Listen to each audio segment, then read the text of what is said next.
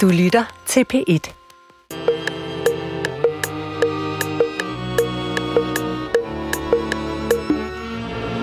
Goddag og rigtig hjertelig velkommen til Hjernekassen på P1. Mit navn er Peter Lund Madsen, og i dag der sidder jeg ikke i det sædvanlige studie ude i DR-byen. Jeg sidder i et tårnværelse, ottekantet, på et slot. Øh, og jeg synes, det er en forandring til det bedre, det må jeg sige. Øh, der er smukke møbler rundt omkring mig, og vi sidder ved et, jeg tror det er mahonebord, og øh, de gamle fine Neumann-mikrofoner er fundet frem fra DR's gemmer. Øh, og grund til, at jeg sidder her, det er fordi, at jeg er blevet inviteret, og de tre, der har inviteret mig, og som hermed er blevet dette programs gæster, det er Susanne, Rudolf og Benedikte von Bladen Hallermund, og jeg sidder i tårnværelset, et af dem på Visborgård Slot. Øh, fordi i dag, der skal det handle om danske slotte og herregårde, og øh, vi springer simpelthen direkte ud i det. Vi har tre eksperter. Jeg vil sige tak, fordi jeg måtte komme. Og vi har forhåbentlig også lyttere, dem vil jeg sige velkommen til. Velkommen til Hjernekassen på P.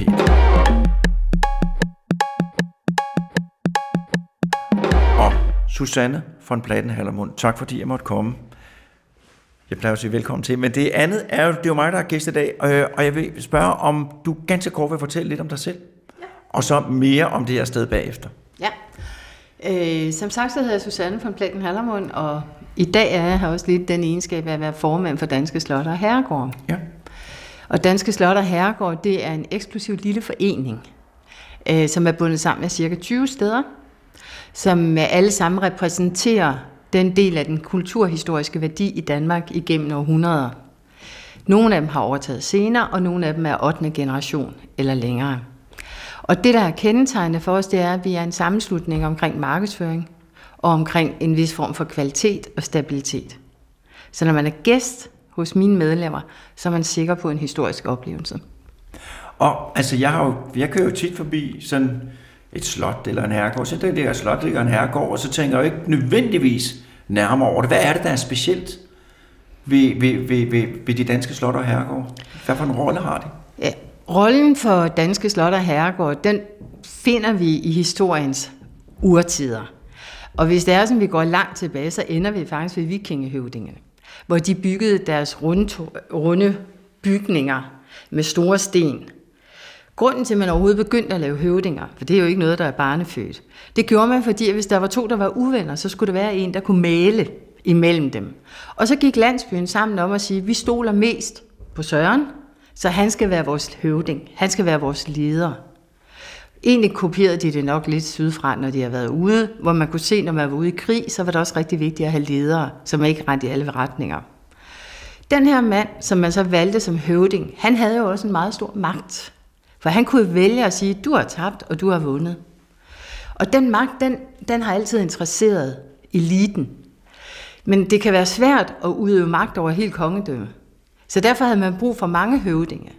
De høvdinge blev så dengang mange gange brugt af brødre eller andre, man kunne stole på. Ligesom i dag, vi regner med vores familie. Vi ved, at de vil gøre meget for, at de ting, vi ligesom beslutter, bliver gennemført inden for rammen. Så når vi kommer op i nyere tid omkring middelalderen, så havde vi dengang det, der hed et rejsende kongedømme. Hvor at øh, kongen, han havde ikke nødvendigvis sin egen borg eller sin eget slot. Men han havde rigtig meget brug for steder, der lå i udkanter, som kunne forsvare hans rige. Så han udnævnte nogle mennesker til at varetage den opgave i forskellige områder. Så kom han selv med sit rejsende gods, og det er derfor, vi taler om i historien, at der kommer et helt følge af vogne, der flytter ind.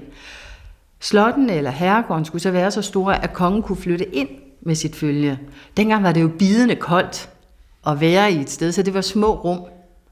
Og her begynder myterne faktisk også at optræde i historien. Fordi dengang, der var det sådan, når man sad omkring ildstedet, når man bare kiggede to meter væk, så var alt sort. Så lige pludselig optrådte der noget. Nogen trådte frem i lyset, som man ikke havde set. Eller nogen hørte en lyd, man ikke forstod, hvor kom fra. Fordi det var et meget lille, oplyst område. Kongen han benyttede sig så af sin mulighed til at sige, at der var nogle len, nogle lensmænd, nogle øh, uradel, som varetog den her opgave for ham. Det betød, at de fik nogle forpligtelser. Den forpligtelse var blandt andet at stille med x antal mænd, når der var krig. Så skulle de stille op. Derfor har man det, der hed festebønder, fordi lensmanden eller greven eller baronen eller adelen i det hele taget, uradelen, skulle stille med x antal soldater. Ellers så skulle de bøde med det og betale for, at det blev lejet legesoldater ind. Så lavede man våbenskjolde, fordi så kunne man lave mandstælling, nu når de kom frem til krigspladsen. Så kunne man se, hvilke len, der havde stillet op med mange mænd, og hvem der skulle betale Så for de kongen andre. de stille op med jeres mænd på en lang række, og så øh, stillede greven op med sit skjold, og så kunne kongen sige, du skal have 100 mænd eller 30 mænd, og så talte han efter, Ja. ja. det videre til den næste. Lige præcis. Og hvis de ikke stillede op, så var der bøder. Så derfor, når man ligesom siger, at der var festebunden, så var det egentlig en kongelig besked jo. Fordi han havde krav på, at man stillede med de her mennesker. Så de 18-36-årige blev bundet til den gård, eller til det len. Og lenen, de blev udviklet alt efter, hvor meget de kunne tjene ind til kongen. Og dengang var der tre magter. Der var kongen, der var bisperne eller kirkerne. Vi har også i vores forening nogle meget spændende klostre, hvor man kan se de gamle historier. Og så var der adelen, som man kalder enten uradel, som er den danske adel. Adelen som grever baroner er egentlig importeret fra Tyskland. Der havde man det under fyrsten, og det adopterede kongen så i Danmark. Og hvor, hvor befinder vi os nogenlunde i, Middelalderen. i middelalderen? Ja, før reformationen. Reformationen gjorde en meget stor forskel. Så det, det var her, heller- det er dengang, at Danmark var katolsk, Ja, øh, og det var middelalder. Det var middelalder. Det er den tidlige historiske middelalder. Og det er også sådan lidt svært at tale om en historie som en faktum. Altså fordi, at alt er genfortalt. Og jeg tror, at der har været ude på heden i Jylland, nogen der så ikke opdagede, at vi skiftede fra Danmark til Norge til Sverige, eller hvem der egentlig var i krig med hvem, og som egentlig bare så ridderne, når de kom. Ridderne var den del, følge, som kongen altid havde med sig, når han rejste ud. Men der var meget lavdeling. Så viden var også meget forskellig. Det, jeg synes er lidt spændende i den der krigsfortælling, det er, at det var altid mændene, der rejste ud, og vi har i Danmark en meget lang tradition for, at det var kvinderne, der drev landbruget og slottene og godserne, og vi har nogle fantastiske fortællinger om kvinder, stærke, stærke kvinder, som ligesom varetog den opgave. Så mændene red rundt og, og talte, talte soldater og havde våbenskjold, og så sad Kvinderne for- kvinderne for, at det hele det kørte derhjemme. Ja. Og i virkeligheden besad en, en stor magt for, hvordan dagligdagen den udfoldede sig. Fuldstændig. Ja. Dengang var det sådan, at når du giftede dig, så gik du til din mands slægt. Og så varetog man sin mands slægt. Sådan at man ligesom havde hele den opgave. Men det var ikke kvinder, der drog i krig. Så det gjorde mændene. Og mange af dem døde også i det, eller var ude i mange år. Der var jo mange ting. Man rejste til Israel. Det kan man jo undre sig over i 1500-tallet, at man overhovedet kunne komme så langt. Ikke? Det har været liv. farligt. Det har været farligt, det har også været spændende. Og det er det mod. Altså, det var jo ikke alle, der kunne krigskunsten. Og derfor var der rigtig mange dygtige krigere, der blev adlet. Fordi det var det, kongen havde brug for. Så hele systemet var egentlig bygget op om, hvad har kongen brug for for at beskytte det her land. Så kongen havde et land. For at holde det land, så havde han lavet aftaler med nogle grever, nogle lensmænd, som havde hver deres område, de skulle have tjek på. Og det de skulle, de skulle give penge til kongen fra landbruget, og de skulle sørge for, at de kunne stille med et vist antal mænd i det tilfælde, at der kom krig. Og kongen rejste sig rundt i sit kongerige fra herregård til herregård, fra slot til slot, for ligesom at komme og tjekke det, og også bare for at have et sted at være. Nej, lige så meget for at have rettergangen. Fordi han var den øverste myndighed i alle tvivlstilfælde. Så han var dommeren, han var den øverste dommer, og først i 1800-tallet bliver det faktisk til højesteret. Og det er højeste ret, som tidligere var kongens ret, da han var den højeste i samfundet. Og der sker jo nogle spændende ting, som man kan gå ind og læse, hvis man er interesseret, i forhold til enevælden og før enevælden. Fordi kongen er jo egentlig valgt på mange områder i de første århundreder af adelen eller af kongen sammen, eller i rigsrådet, og havde et samarbejde, og går jo så ind under enevælden efter svenskekrigen, og laver en aftale med bønderne og præsterne, hvor de så får skubbet adelen ud af det magtcentrum. Så det hele, også i Danmarks historie, handler om en magt, der bliver koncentreret. Det starter med, at der er nogen, der bliver høvding. Øh, den bliver koncentreret, den bliver systematiseret, og så bliver det noget, der skifter fra den ene gruppe til den anden. Det er enevælden, hvor kongen allierer sig med bønderne og mellemlaget, kan man sige, bliver smidt ud. Hvad sker der så med alle herregårdene og, og, og, og, og, og slottene? Altså, der er jo selvfølgelig en... Altså, egentlig fortsætter de egentlig op til 1800-tallet, og hvor man sådan, og under lensafløsning, så stopper det jo. Altså, så er der ikke mere adel i Danmark på den måde, som vi har stadigvæk i Tyskland eller Italien eller sådan noget. Der stopper den i Danmark. Og privilegier, altså man siger altid, at de har, at de har haft mange privilegiumer, men de privilegiumer, de havde, man siger, de betalte ikke skat, og de opkrævede skat fra deres festebønder. Men reelt set, så blev alle de penge brugt til at forsvare Danmark, eller de borge, som kongen ønskede, der skulle være i Danmark. Og man kan sige, at det der er sådan en lille filurlig ting, det er, at de der festebønder, som egentlig skulle betale skat, hvis de ikke kunne det, så var det adelsmand, der skulle ud af egen lomme. Det var ikke sådan, at han havde det ansvar over for sine festebønder, at hvis de ikke kunne betale, så måtte han betale. Så der har også været sådan en gensidighed, som måske ikke ligesom er kendt. Så der var, hvis man var bonde i Danmark, så skulle man bo et bestemt sted, fordi man havde en funktion i hele systemet, øh, og man skulle betale skat til kongen, fordi han var kongen, det var ham, der havde magten. Men hvis man ikke kunne betale den skat, så skulle mellemledet, greven eller lensmanden, så skulle han hænge for det. Så, så, så det var et forpligtende det var et forpligtende fællesskab, meget, kan man sige. Meget, og det er også sådan, at man kan sige, at kongen han siger for eksempel, du har det her len, og det kræver jeg at få så mange penge for i løbet af den her periode. Så har du ansvarlig over for at kræve det op hos dine festebønder. Kan de ikke betale, så skal du stadigvæk betale til kongen. Så det har været, det har været, det har været, det har været en, en barsmekanisme, og det har været umiddelbart bedst at være kongen. Men han har også siddet udsat, fordi at der er mange, der gerne vil være kongen. Ikke? Jo. Det er jo det, der er problemet lige snart, at der er en, der bliver kongen, så kommer der også nogle andre, der gerne vil være kongen, og så opstår der jo ballade, fordi det har der jo også været her på Visborgård. Det har jo været brændt ned, er det ikke rigtigt? Jo, men det var så af bønderne. Det var grevens fejde. Ja. ja. Men man må sige, der var, der var kongen altid sad mest udsat, det var i forhold til egne brødre.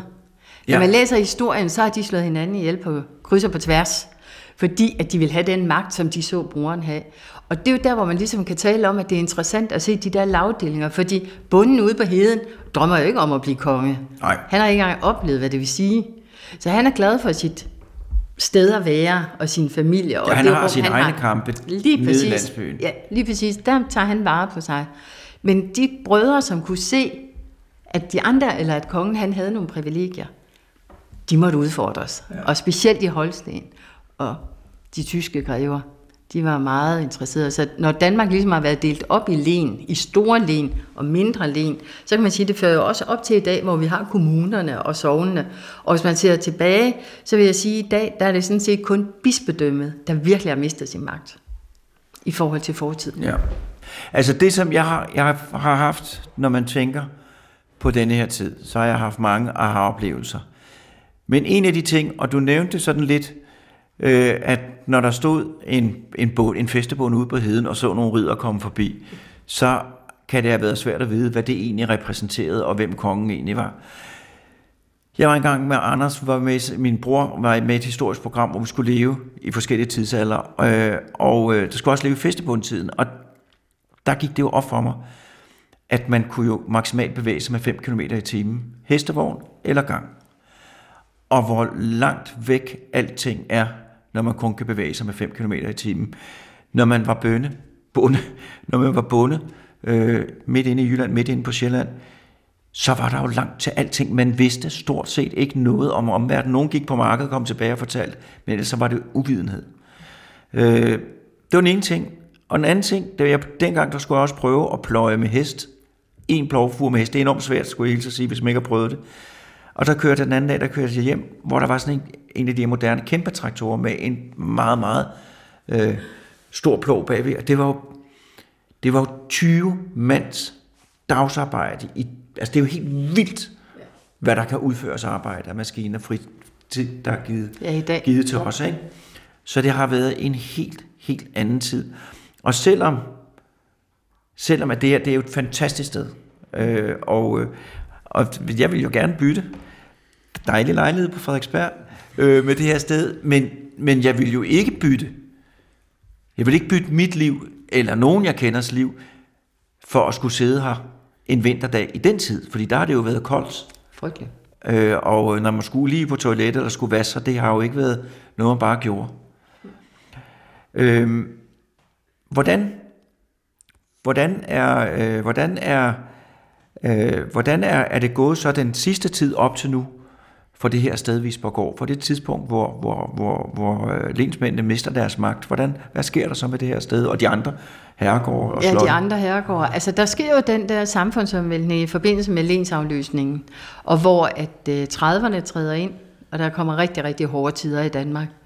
Og der har du fuldstændig ret. Altså, et stort hus er bare omfangsrigt at, at varetage. Og rigtig mange gik konkurs. De tager til 1930. 31. Ja. ja. Altså der i det tidsrum, og det gjorde Visborgård også, efter en fantastisk opblomstring, så var det ikke muligt, og man så rundt omkring mange slotte og herregård gå konkurs og sælge ud af al indbo. Og det var fordi, at de havde levet af landbrug, øh, og Ja, og der kom, i forbindelse med lensafløsning, der kommer der også, at du skal betale en 25 procent i kontanter til staten. Og festebønder, de får lov til at have deres festebunde jord, uden at skal betale for det. Så der er rigtig mange ting, der forlader stedet. Ja. Så sker der det også for Visborgård, som der sker for mange andre slotte, at staten overtager dem. Og derfor har vi rigtig mange øh, hospitaler, børnehjem og sådan nogle steder, som virkelig bliver indrettet på nogle smukke steder. Det har der også været her. Her har det været et kvindehjem. Da så staten jo i løbet af 80'erne beslutter sig for, at der skal være nogle bedre vilkår for vores patienter og for vores pårørende, eller patienter på stederne, så beslutter man sig for at sælge dem igen. Og der er så nogle af dem kommet ud på egne hænder, blandt andet Visborgård. og det skal vi tale om senere, hvordan, hvordan det er. Øh, lensafløsningen, Ja. kan du lige fortælle mig, hvad det er helt, så jeg forstår det? Så du forstår det, det er sådan, at øh, tilbage i historien, der var det sådan, at, at grever, baroner og uradel, de fik et len, som de så kunne opkræve skatter af fra deres festebønder. Der siger man så, at man ophæver festeretten til bønderne, og man ophæver også lensretten. Sådan at det, der hedder lensgrever, også forsvinder. Du har ikke rettighederne mere til de jorder. Det man så kan sige, det er, at de fordele, de havde i 1600-tallet og 1500-tallet eller i middelalderen, dem har de altså ikke der i slutningen af 1800-tallet, og der, hvor den egentlig indtræffer.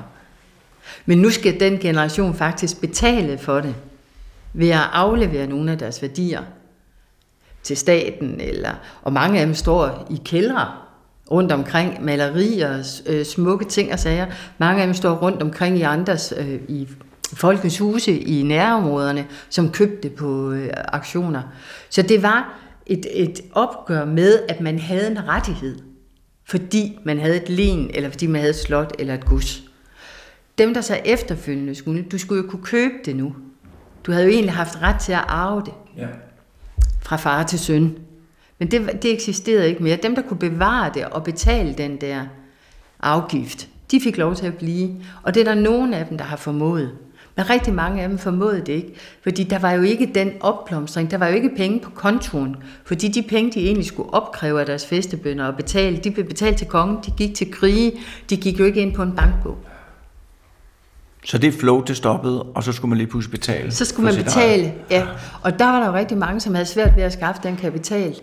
Der var nogen, der havde, og det er også nogle af de slotte ved Vedelsborg eller Frisenborg, og de der, som stadigvæk er i familiens eje, øh, Graverup. Og, altså, der var mange, som ligesom klarede det. Men der var også mange, der ikke klarede det. Ja. Og så blev det solgt til staten. Så kom der et kommanditselskab, som er imellem, ja. som ligesom køber det op og rydder op og sælger jordene fra og sælger husene fra. Og så ender man jo så tilbage med et øh, kæmpe slot eller en kæmpe herregård, som ingen rigtig måske har råd til at købe. Og så bliver det jo så staten. Og det passer jo fint med, fordi man dengang havde den der meget smukke tanke om, at folk, der var syge, folk, der øh, havde mentale lidelser også, at det var godt og helende at bo smukke steder med en smuk udsigt. Øh, så, så på den måde, så skiftede funktionen. Ja, jamen altså, jeg vil sige tusind tak. Og så skal vi jo videre til vores, ikke til vores næste gæst, til min næste vært, men først skal vi have en jingle.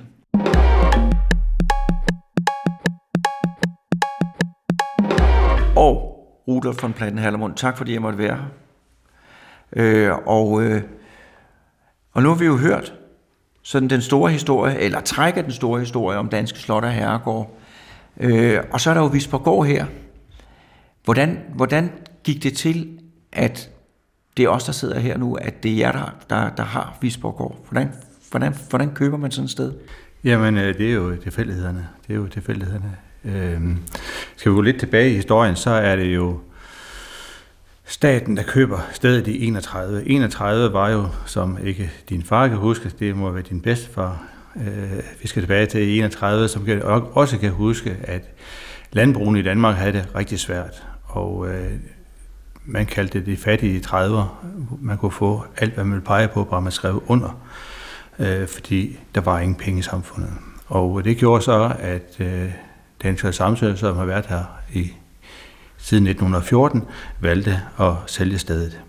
Og det blev så øh, solgt, som Susanne var inde på, til nogle købmænd, som øh, købte hele stedet, og øh, der blev faktisk 27 statslandbrug.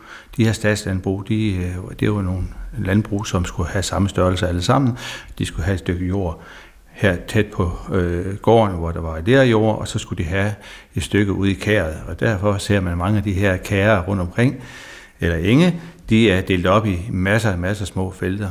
Alle fik lige meget af det hele, og øh, de blev så øh, solgt den vej rundt til de her 31 eller 27 statslandbrug.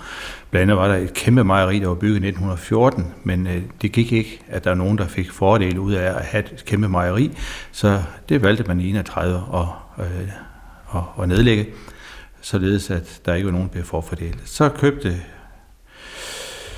eller så solgte man så gården, øh, hovedbygningen til staten, øh, og jorden til nogle andre. Så skoven i dag er, er ikke med under os, det er øh, solgt til tredje person. Det, der så sker, det er, at øh, staten køber stedet her, de køber mange andre steder i Danmark i 30'erne. Det var en rigtig billig måde at øh, huse øh, sindslidende personer på.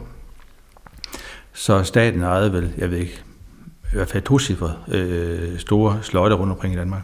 Og her der valgte man så at være underlagt det, der dengang hed Viborgs Sindssygehospital. Og øh, man startede her på stedet med 100 og 14 sindslidende kvinder, øh, som øh, boede her. Men indrigsministeren var rundt og kiggede på nogle forskellige steder, og man fandt ud af, at stedet her var i en fantastisk god stand, hvilken betød, at øh, man kunne lave en singleplads for 2600 kroner, og øh, det kunne man ikke stå for, så man købte så Visborgård. Det, der så er sket sidenhen, det er jo, at øh, efter at staten har ejet det via regionen eller amtet, ejet stedet her i 88 år, øh, men så gik det ikke længere. I dag har man som beboer øh, krav på to værelser og egen bad, og øh, med den fordeling vil det simpelthen blive for dyrt per, per Og der var jo også fredning, der spillede ind, at man ikke bare kunne bryde vægge ned og, og sætte en masse toiletter op? Ja, stedet her, det er, er øh, fuldstændig fredet. Voldgraven er fredet. Øh, Øh, broen over voldgraven er fredet. Hele parken er fredet. Vi har den eneste fredede renaissancepark i Danmark. Så man har, og det har man også virkelig gjort, øh, passet rigtig godt på stedet. En visevært, der har været der igennem rigtig mange år øh, i statens tid, har passet rigtig meget på det og gået rigtig meget op i det. Hvilket betød, da vi overtog, så var det faktisk en fantastisk god stand. Men øh, tiden løb fra stedet, og de valgte at bygge øh, inde i Hadsund øh, et helt nyt hjem for, for beboerne. Så øh, vi overtog et helt tomt sted her. Man kan sige, at i 31, der var der jo en kæmpe aktion her på stedet. Alle ting, 989 numre, aktionsnumre blev sat på aktion herude på gårdspladsen. Og det var malerier, møbler? Gobelinger. Gobelinger. Meget, meget flotte, store gobelinger. Ni store, store gobelinger. Og øh, det var ridepiske, det var service, det var alt. Alt blev solgt. Det og det var på et tidspunkt, hvor der ikke var penge i samfundet. Det var under den store øh, krise, depression. Ja, det var det. Og øh, ja, desværre jo, øh, blev det helt solgt. Og det var faktisk sådan, at det eneste, der ikke blev solgt her, det var loftmalerierne, dem kunne man ikke tage ned, og så var det maleriet af Claus Seefeldt øh, fra 1668. Kroater øh, måtte acceptere, at ingen, overhovedet ingen, turde nedtage maleriet, øh, fordi det har vist sig igennem tiderne, at man kom igen øh, meget uføre, hvis man gjorde det. Så selv kurator, som fik alt med ud på gårdspladsen, accepterede, at maleriet blev hængende. Så der var et maleri her på det her sted, som havde en historie, der gjorde, at der simpelthen, altså helt konkret, man kunne ikke få nogen til at flytte det. Nej, nej, nej, nej. Øh, når der skulle males eller, eller eller deslige, så meldte håndværkerne pas. De ønsker ikke at, at deltage i det. Og man skal jo ikke tilbage til anden i, i hvad bliver det, 1930'erne, hvor man, hvor den lokale læge og overlægen fra Viborg Sindssygehospital mente jo, at de to plus en håndværker godt kunne finde ud af at flytte det her maleri, uden der skete noget. Og de flyttede det, for nu skulle der altså males nu skulle lægen, nu skulle lægen, nu, nu, nu skulle lægen videnskaben ind over. Og de bestemmer. ja, ja, det er det. Og øh, det gik simpelthen så galt, at alle tre kom til skade. De døde ikke, men de blev lemlæsket, listet, og nogen for livet øh, af de tre personer, øh, som er meget nøje beskrevet, hvad der skete. Så, så det, det, det var med rette, at maleriet fik lov at hængende. Så først var der, da slottet skulle sælges til staten, der kunne, du få nogen til, der kunne man ikke få nogen til at flytte det maleri. Så blev det hængende, så kom lægerne, og det skulle de saftsus med nok flytte det der. Og så gik det dem ilde, alle tre, der flyttede det maleri. Ja, Og det hænger stadigvæk nede på sin plads. Uha, øh, vi tør ikke røre det. Så, så det hænger der stadigvæk. Og øh, i 1972, der fandt man ud af, at nu skulle Sefælds gang, der skulle males. Og øh, til det gjorde man det, at man fra stedets her side valgte at lave et vers. Og øh, man fremførte det vers samtidig med, at man stille og roligt løftede det nederste af maleriet lidt ud, således at penslen lige kunne komme ind over ind under. Og det viste sig så, at man kunne se, at det har man faktisk gjort øh, minimum to gange før. Løftede lidt ud og øh, stillede tilbage igen, og, og så gik det. Så det er det, det er det vildeste, at man har tur komme ind bag maleriet. Og det hænger stadigvæk? Uha, det hænger stadigvæk herovre, ja. Det gør det, og man har mulighed for at komme ind og se det, hvis man vil det. De tre øh, personer, der går øh, igen i vores hukommelse, når vi kigger tilbage på stedet her, det er jo helt klart øh, Sefeldt, som øh, ejede stedet i 1.500 år i, i 1300-tallet, nej, det er så 1600-tallet, fra 1570 og så op til 1681. Og det, der skete der, det var, at øh, Claus Seffel, som er på maleriet, han var den sidste mand her på stedet. Det er derfor, han, han, han, øh, han ville ikke herfra. Men det var en meget kreativ og, og driftig familie, som var den første i Danmark, der lavede glas. Øh, man lavede glas til hele det kongehuset. Man lavede, kongen var på besøg, og der var man faktisk i stand til at lave musikinstrumenter af glas, som blev fremført, når kongen kom her. Og øh, kongen blev så imponeret over glasset, at øh, man øh, selv øh, gik i gang med at producere glas. Og i 1598 der stoppede hele produktionen, fordi skovene, øh, det gik meget ud over skovene. Der skulle fordi hus, de der ovne skulle varmes op? Der, der skulle rigtig meget træ. Øh, herud, derudover så var Sefeldt rigtig dygtig til at lave cement. Det blev øh, udskibet via en gård, der hedder Havne, som nabo her øh, ned til fjorden, og den vej rundt. Og man brugte det her cement både til Kronborg og til Christiansborg. Så de har været rigtig, rigtig driftige. Den næste familie, som jeg synes øh, har gjort det fantastisk, det er Arnstof. Der er vi, der er vi fremme i 1700-tallet. Og de har også købt det på, på et tidspunkt? De har desværre også øh, købt det, kan man sige, efter en krise. Ja. Så, øh, så, så det var nogle købmænd igen, der købte det, og så købte Arstof stedet derfra, og det var så i 1730'erne, og øh, de var meget, meget dygtige også. Og hvad, hvad gjorde de ved stedet? Jamen, de, de, de, de udviklede det, øh, de var helt oppe på at have 4.000 øh, øh, hektar, og øh, det var et, et, et, et stort område, hvor de ejede gårde på Djursland, de ejede alle gårdene her omkring, øh, virkelig imponerende, øh, som de drev det.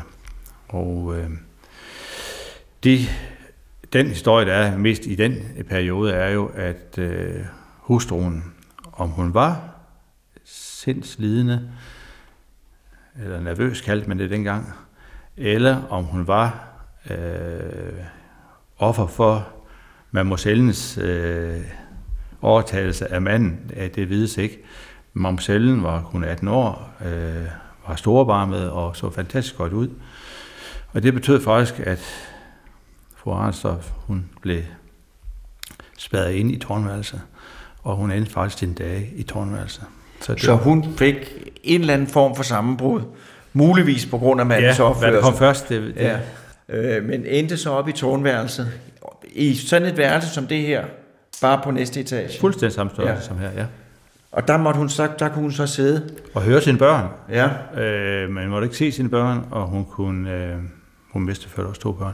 Øh, og, og høre sine børn, og hun fik ikke ret meget at spise. Så, så det var en, en trist, trist historie. Om, det er så uvist, om hun døde ind i tårnværelset, eller hun sprang ud og døde i, i faldet. Men øh, det var en, øh, det var en, en meget, meget, meget, meget trist historie. Ja. Og det er jo også noget, man så kan bruge til at glæde sig over, at man lever nu om dagen. Fordi at, øh, at vi, du ikke slipper sted med at låse nogen øh, op på tårnværelset, så kommer politiet og siger, den går ikke. Øh, der, var, der var mere ordnet for, altså der, man var mere i vold, altså i, i, i, i det kunne gå galt for en på mange flere måder. Jo, jo, man havde jo ikke nogen steder at, ja. at, at tage hen, Nej. hvis det var, man var syg. Man kunne ikke sådan binde på samme måde, som man kan i dag. Øh, det er jo helt andre tider. Øh, en lille avisartikel fra 1912 øh, fandt jeg her den anden dag, og der kunne man se, det var sådan en lille notes, en notits, der stod blandt en masse andre notitser, at der har været slåskamp på Visborgård. Den ene, han blev så tilredt, at de mente, han var død. Så de bar ham alle sammen op øh, til kirken, som ligger øh, 500 meter herfra, og begyndte at grave et hul til ham.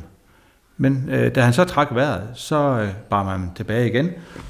Punktum. Næste artikel. Mere var det ikke i det. Det var 1912. Det er 1912? Ja. Så det er... Øh, det var andre tider. Jamen, de, altså nu om dagen, skal det selvfølgelig ringes til politiet.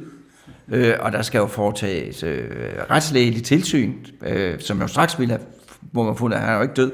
Øh, og så skulle bare redningshelikopter om. Det er jo helt vildt så meget nemmere. Det var det, det i gang. Ja, ja, ja, kan man sige.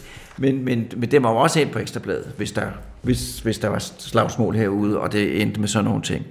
Ja, ja, den er også trukket mere end 3 cm øh, i, i, i avisen. Ja, breaking, breaking.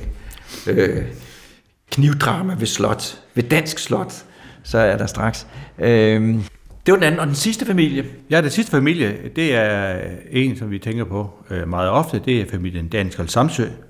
Knud Daniel Samsø, han var ritmester, og han øh, købte stedet her i 1913. Og øh, han byggede blandt andet det mejeri, som jeg talte om før. Han øh, byggede mange huse.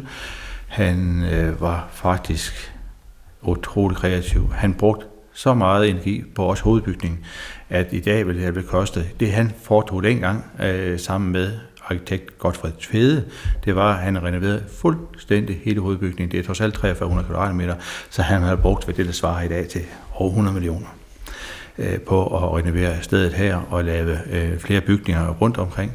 Så han var en rigtig, rigtig driftig mand. Og det var så, han var så fra 1914 og forlod stedet her i 1931 hvor det hele det brassede sammen, fordi ja. at der var krise, og pengene forsvandt ud af samfundet. Ja. Min morfar var landmand, det var min far for os, øh, og min, min farfar, han mistede, han var husmand, han mistede det hele, også i den periode, ja. og min morfar kunne fortælle gysende historier ja. om, hvordan det var, og havde lige siden en, en, en, en meget fast overbevisning om, at det var, det var landbruget i Danmark, øh, der, der reddede det hele. Øh, men, men det var virkelig noget, som red hen over landet, og som satte sit, sit store spor. Det der jo også er, når man tænker på den tid, det var jo, at det var jo på landet, folk boede i Danmark. Øh, der må have været mange, mange mennesker ansat her øh, til at drive stedet, til at drive landbrug, til at drive mejeriet. Derved fuldstændig anderledes fordeling af mennesker i, land, i, for, med, i forhold med land og by. Ja, ja, ja, ja forstår det. Der var jo udover, at der var en fast dag på øh, 100 mennesker, så var der jo de her daglejere. Det var øh, personer, der tog rundt øh, og fik job, øh, fik lidt løn, og så fik de øh, kost og logi, og så, når der ikke var mere der, så tog de videre til næste gård. Så, så øh, der var mange inde, og øh, hvis man sidder og, og regner lidt på det, så 200 hektar her på gården gik udelukkende til at, at skabe øh, græs til hestene. Det var jo rigtig mange. Det var jo 60 heste. Der og 200 hektar 200 tønder land var det lige, ja. 200 Sådan Ja. et bymenneske, bymenneske som mig, hvad svarer det til i fod- fodboldbaner? Cirka. 200 land, det, det, det er 100 hektar, og 100 hektar, det er jo øh, gange med 10.000, så, øh, så er det mange fodboldbaner. Jeg ved ikke, hvor stor en fodboldbane er. Det, det, det, det, nu er kommunikationsplads, men det er, det kan sige, det er rigtig mange til, øh, fodboldbaner. Øh, det kan man slå op på nettet, øh, hvor mange fodboldbaner, der går på en hektar, eller omvendt. Øh, men det var Det må store, store, være en million kvadratmeter. Ja. Altså noget af det første, jeg så, da jeg kom kørende ned, det var en stor sten, og så står der en sten. Det er en hvide hest. Øh, og det giver jo, det giver jo fantasien vinder, vinger. Øh, hvad, hvad, Jeg hvad, hvad dækker det over over? grænsen bar. Ja, øh, der ligger den hvide hest begravet, Margrethe Tu, og øh, hesten var ejet af Daniel Samsø, og den blev udlånt til kongen i 1920.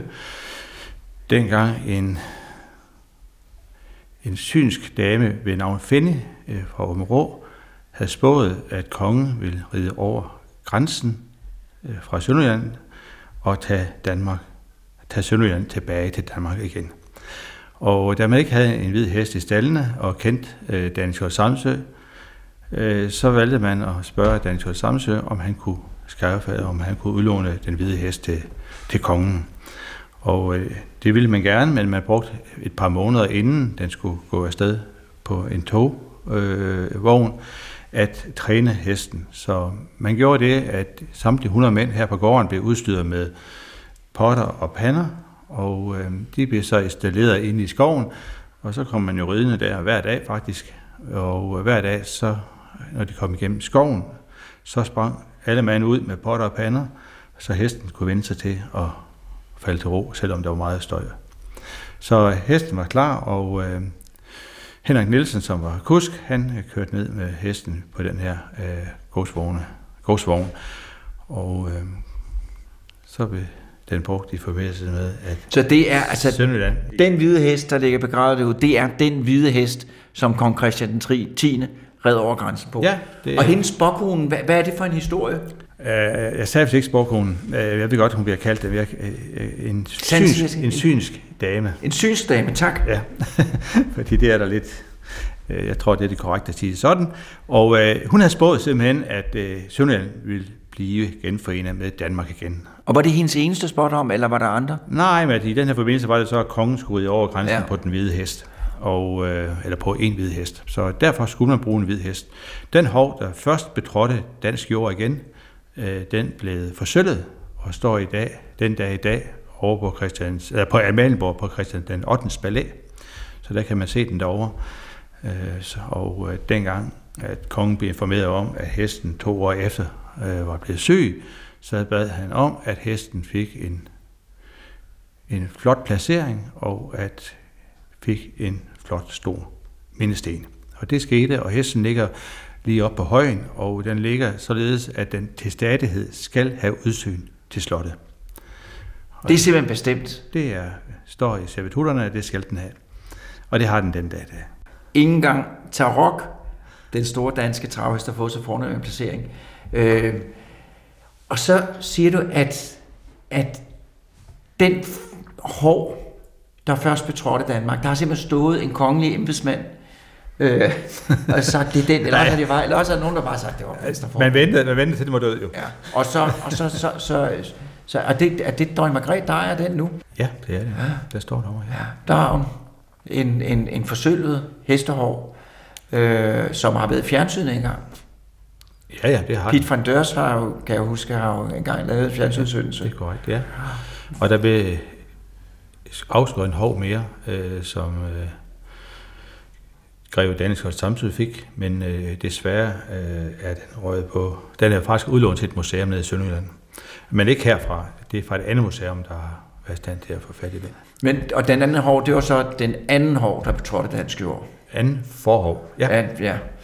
Hvad var det for en slags hest? Det var, var, det, var det bare et, altså jeg har jo hørt rygter om, og nu kan det jo så endelig bekræftes eller manes til jorden. Jeg har hørt rygter lige fra, at den slet ikke var hvid, at den bare var kalket over, til at den var pletvis ikke hvid, der så blev kalket over. Var det en ægte hvid hest, eller var det en kalket hest? Det er uden for diskussion. Hesten var ikke kalket. Hendes majestæt dronningen har utrygtigt gjort opmærksom på, at hesten var ikke kalket. den var hvid fra Top top, til tå. til hår. Ja. Øh, og, øh, og grunden til, at det rygte opstod, det var jo fordi, at kongen havde noget hvidt på sig, da han, og det har jo så været hestehår, som, som eller, Ja, eller, eller øh, urin, man har, har vel øh, lige fjernet. ja. Så det, det vil jeg sagt herfra, ganske tæt på det sted, hvor hesten ligger begravet, at den hvide hest, Christian den 10. red over grænsen på, var hvid fra top til hår. Det er sandheden. Og hvordan kom I så til at eje det her sted?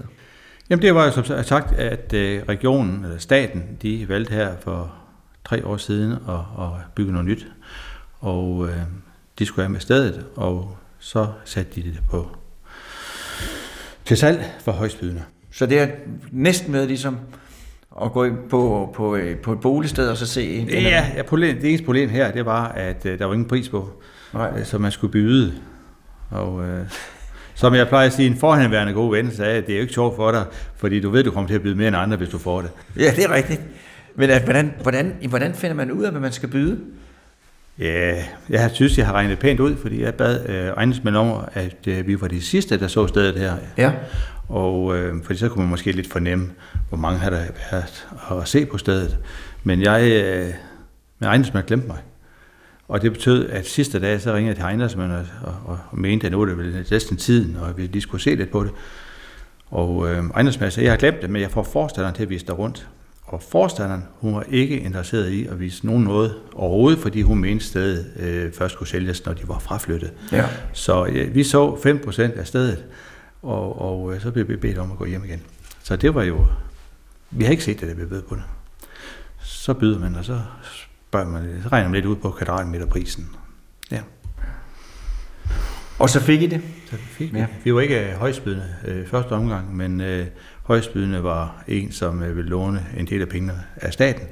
Og øh, det var ikke sådan, at udbuddet var lagt op, så, øh, så må man tage næste højstbydende. Det var os. Og nu har I det. Nu har vi det. Og nu skal vi have en jingle. Du lytter til Hjernekassen på P1 med Peter Lund Madsen. Og øh, jeg har lige talt med Rudolf von Platten Hallermund om, hvordan slotshistorie er, hvordan at I fik det overdraget. Og tak for det. Og nu vil jeg så dreje mig om til den anden side af bordet, så sidder Benedikte von Platten Hallermund. Og øh, du er jo øh, du er jo øh, du er jo den næste generation.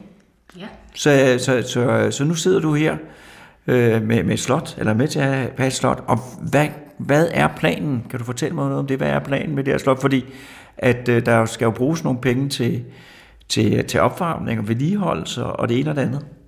Jamen det er jo det, der er det spændende ved at være så øh, kort i processen, som vi er nu. At det er, at, øh, at der er stadig muligheder for at finde ud af, hvor vi skal hen af. Ja. Øh, og det er ikke helt lagt sig fast endnu. Vi skal se, hvad stedet bringer med sig også, og hvad vi mener, det kan gøres til. Ja. Øh, så lige nu så har vi jo vores øh, lille hotel over på den anden side af voldgraven, Hotel Møllehuset, øh, hvor vi har åbnet op for overnattende gæster. Der kan komme overnattende gæster, Ja, og så kan de bo her i smukke omgivelser. jo tak. øh, og min øh, mor, hun har noget, Susanne, hun har noget, som er helt medført, eller medfødt og meget svært at tillære sig. Og det er den evne, hvormed hun modtager gæster og besøgende i Møllehuset. Øh, lige nu så er jeg jo meget ny i hele den her proces, og det er vi jo sammen. Så jeg prøver at lære så godt jeg kan af mine forældre. Øh, og min mor hun har det her helt medfødte, charmerende væsen, som gør, at øh, folk er glade for at blive taget imod hende. Ja. Og hun kan samtidig også øh, se og have visioner for, hvordan man kan indrette stedet her. Dengang, at øh, mine forældre de købte stedet, der var der ikke mange møbler, dengang de overtog, så det er jo øh, været fra ny. Og det er ikke møbler, man bare kan købe i IKEA. Øh, vi har valgt Eller at passe ind Bilva her. eller Ilva eller nogen Nej, steder. Nej. der passer lige ind. Så derfor så har hun brugt øh, meget energi for at finde de rigtige ting og sætte det sammen. Og den evne, den besidder jeg heller ikke. Det gør du heller ikke. Nej, Ej, men du har, jeg vil godt forestille, at du har da evnen til at, at få folk til at føle sig velkomne. Jamen det håber jeg. Jeg prøver at tage det imod mig, men øh, det er meget medfødt, og det mor har, så jeg prøver at tage det bedste med. Og så har jeg givet lidt op på at kunne se øh, farver og møbler sammen. Men øh, det kan min mor, og hun er forhåbentlig mange år endnu til at lære det. Øh, til gengæld så min far, han besidder øh, virkelig en ildsjæl og en, sådan en arbejdsgang, som at øh, det er jo et meget levende hus, vi er i. Og der sker hele tiden noget, og hvis vi en dag står op, og der mangler varmt vand eller varme i radiatoren, så går min far på min kny hånd og finder ud af, hvad skal der til. Og så løber jeg jo i hælene. Jeg synes, det er smukt for, at det er et meget levende hus. Der Det sker er. hele tiden noget, hvis der var... Det, der er mange gange ting, der går i stykker i det her hus. Er det Ikke altid. Øh, det er sjældent. Altså, men jeg vil det sige- sker noget jo. Jeg vil sige, at når jeg sidder her, ikke, så er jeg jo misundelig over at have det her som arbejdsværelse. Mm. Men helt dybt inde i min sjæl er jeg glad for, at det ikke er mig, der har et slot, fordi jeg kunne forestille mig, at der er mange ting, der skal passes og plejes. Det, der er ved den måde øh, at have et slot på, det er, at der er utrolig lidt fritid, men der er rigtig meget frihed. Øh, og der er ikke en dag, der er ens. Og det kan jeg godt lide. Øh, og jeg kan godt lide at følge efter min far i hælene hver dag og se, hvordan man gør, og hvor er tingene henne. Og øh, så nogle små øh, udfordringer, som at et stoppet afløb ned til, vand, ned til voldgraven, hvordan løser man det? Så det er jo meget sådan hånd på. Stoppet afløb ned til voldgraven. Ja, vi har flere søer i parken. Ja. det skal også Men I har, I har hotellet, Vi har hotellet, ja. som, øh, som jo øh, som, som, som kan tjene penge til at få det til at løbe rundt. Har I nogle andre planer om, hvad der skal til at få, at få, få stedet til at, at, at løbe rundt? Altså på et tidspunkt, så skal vi jo have involveret hovedbygning også, og, øh, og sat liv i den jo. Så der, øh, der forhåbentlig også kommer til at være noget økonomi i den, fordi det er jo ikke øh, omkostningsløst at drive sådan et sted som det her, øh, og det, det er jo et historisk hus, der har været i mange, mange år, og vi håber på at være med i det i mange, mange år, og være en del af stedets historie. Og det er jo det, der er, der er det spændende, og det er også det, der er det udfordrende. Det er et privilegie, og jeg ser virkelig meget frem til en dag at kunne modtage stafetten, men der er også en udfordring i, at jeg var ked af at være den sidste Det er jeg sikker på, du på ikke bliver. Øh, fordi altså nu har jeg jo, jeg har jo ikke set hele, men vi har været rundt og kigge, og det er jo, det er jo meget, meget fin stand nu, øh, når man kigger. Og det er jo, det er på den måde, der, der, ser det jo, så der ser det jo meget, meget lovende ud. Det er vildt øh, imponerende, og det er også godt vedligeholdt. Også dengang vi overtog, der er det også virkelig Så det flot har en, vedligeholdt. en, en gammel, sund historie Det bag sig. har det. Altså dengang man byggede slottet, der kunne man virkelig se kram. Det står, og det holder. Ja. Øhm, så derfor så håber jeg på at kunne lære Men det er meningen, at en gang, at så vil man kunne komme til at bo her på slottet måske som, som et hotel. Jeg er ikke sikker på, at det bliver et hotel. Øhm, det kan være arrangementer. Ja. Vi er i gang med at spille med en masse, en masse bolde og smide dem op, og øh, vi har ikke fastlåst os nu på noget. Så det er jo det, der er den spændende proces. Ja, ja. Det er, at vi går med stedet og lader det, det føre os hen af, hvor at, øh, vi ja. ender. Susanne? Men det, jeg synes er lidt spændende, øh, hvis der jeg må slutte en krølle tilbage til Danske Slot og Herregårds Forening, det er, at vi har mange unge, som er ved at overtage. Ja. Fra de andre generationer også. Og noget af det, som vi rigtig gerne vil i foreningen, det er netop at få lavet en erfagruppe imellem de unge, fordi de sidder meget spredt og overtager meget store opgaver. Ja. Og derfor vil det være rigtig vigtigt, for det er svært at møde nogen, der sidder med de samme opgaver. Ja.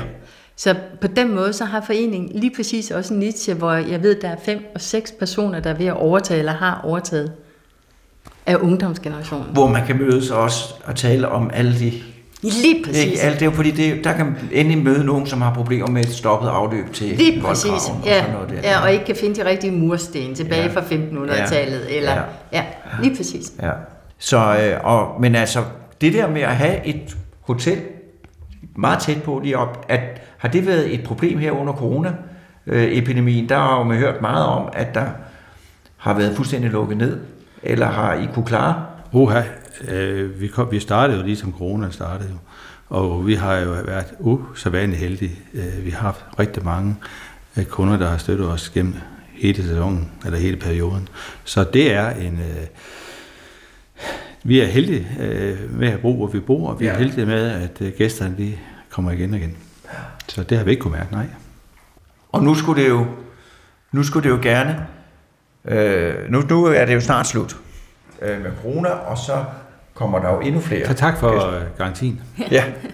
Vil du Jeg vil, sige, jeg vil sige lige præcis Hotel Møllehuset. Altså sidste år, øh, da, da det lukkede op til sommerferien til danskere, det var jo Sidste år.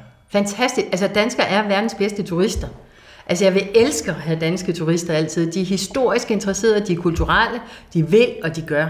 Og jeg synes, at hele dansk turisme benefittede i den grad af, at øh, man ikke rigtig kunne rejse ud. Det er jo forfærdeligt at sige det, men det gjorde vi. Fordi alle hoteller, og ikke i København, jeg ved godt, det er ikke lige dem her, men Nå, i de havde Jylland... den der 6 ugers regel. Lige præcis, seks 6 dages regel, ja. Så de fik det ikke, men i Jylland, der var alting optaget, og vi var kun os, der egentlig bor her i Danmark. Det var fantastisk. Altså, det, er, altså det, det var i hvert fald en stor glæde for os at have glade gæster på terrassen, og nu sidder jeg i nogle turismesammenhæng, og det havde vi alle sammen. Nu siger du, at øh, danske turister er gode turister. Hvorfor er det det? De kan, og de vil, Ja, og de gør. og de gør. Og hvad betyder ja, det? Jamen det betyder, at danskere, de vil egentlig gerne gå på restaurant. Altså man kan sige, normalt så deler vi jo med, øh, deler vi med, øh, vi sender gæster til Spanien, til Grækenland, til Italien, og vi bytter bare ikke med dem. De har ikke Der kommer råd ikke til, nogen. Nej, de har ikke råd til, de overvejer ikke at tage til Danmark på ferie. Danmark er det dyreste turistland, der overhovedet findes. Så de danske turister, det er dem, der faktisk har bedst råd til at være turist i vores land. Og så kan vi hente lidt nordmænd. Men ellers så er det jo faktisk rigtig svært at finde nogen, der har råd til at være på ferie i Danmark. Opfører de sig pænt? Meget. Det gør de. Jamen, øh, jeg vil sige, at øh, altså, de gæster, jeg har mødt, det har bare gjort, at jeg i den grad har lyst til det her erhverv. Og hvordan, hvorfor, jeg elsker at høre, når danskerne opfører sig pænt. Rydder de op på værelserne og sådan noget? Eller, eller Jamen, der, der er bare ikke noget, der er ingen ballade, der er ikke noget som helst. De kommer glade ind, og de glæder sig til ferie. Og sidste år var det jo fuldstændig unikt, fordi at da corona begyndte, der har jeg en søster, som meget sødt sagde, mine tanker går til alle de mænd, der altid har sagt den dag, de får tid. Fordi så kan det nok være, at så fik man ryddet op, og genbrugspladserne blev fyldt. Alting blev ordnet. Så da de kom frem til ferie, så var der tid til ferie. Der skulle ikke gjorde bruges en uge på at rydde op. Nej, Det var- og der skulle ikke en uge sydpå. Og vi havde den glæde, eller personligt havde jeg den glæde som, som foreningsformand, at opleve gæster, der cyklede igennem hele Danmark. Fra det ene slot til det andet, og kom med fortællingen. Og alle havde haft en god oplevelse. Altså, jeg føler virkelig, at, øh, at dansk turisme også er klar til gæster, der gerne vil. Og der kan danske slotter her komme til at spille en, en rolle, eller gør det allerede. Der spiller vi en stor rolle, men hele dansk turisme spiller, altså, fordi vi er gode til at tage imod gæster i Danmark. Det er bare svært at få de der lidt fattige lande til at tage op. Altså, de har Hvorfor svært er vi gode til at tage imod gæster i Danmark? I Danmark? Jeg tror, det er, fordi vi er joviale. Jeg tror, at danskere, de vil gerne. Altså, der er en grund til, at vi hedder det lykkelige folkefærd, eller hvad man skal sige. Altså, vi vil gerne. Vi kan godt lide at holde fester. Det har egentlig været det værste. Også når vi taler corona. Det er jo, at det, der har været det værste, er, at folk har været alene. Det er, Ja. det er egentlig det, der har ramt mennesket hårdest. Yes. Det er, at vi ikke har kunne se hinanden eller være sammen. Og den del tager vi jo også med, når vi er på ferie. Jeg kan også se, når vi har været sydpå, der går nøjagtigt 8 minutter, før min mand han ved, om der er andre danskere, eller nogen, han kan snakke med. så, så, og sådan er det jo også, når de kommer her. Ja. Så, så det er vidunderligt. Rudolf, har du noget at til, tilføje? Nej, det skulle lige være med hensyn til øh, vores lille hotel herovre. Det er ikke det eneste. Vi har også øh, hovedbygden her, vi sidder i. Den øh, bliver åbnet op nu. Øh, det første arrangement er i juni måned, og fremadrettet vil man have øh, mulighed for at lege øh, hovedbygden til et Ja. ja. arrangement. Og Benedikte, jeg vil ønske dig alt muligt held og lykke. Øh, og øh, jeg tror nok, jeg tror nok, det skal, blive, det, skal, det skal nok blive nemt at have det her kørende. Og nu får du en grundig uddannelse i det. Øh, og, øh, og så må du melde dig ind i den erfagruppe, hvor man kan udveksle erfaringer. Øh, så du ved, at du skal ringe til, når afløbet til voldkraven er stoppet. For det er ikke mig. Det kan jeg sige helt sikkert. Øh, tusind tak, øh, fordi at, øh, at øh, jeg måtte komme. Og øh, til lytterne, der vil jeg sige, øh, der vil jeg ikke sige på genhør igen om en uge, fordi det er dobbelt. Jeg vil sige på genhør om en uge.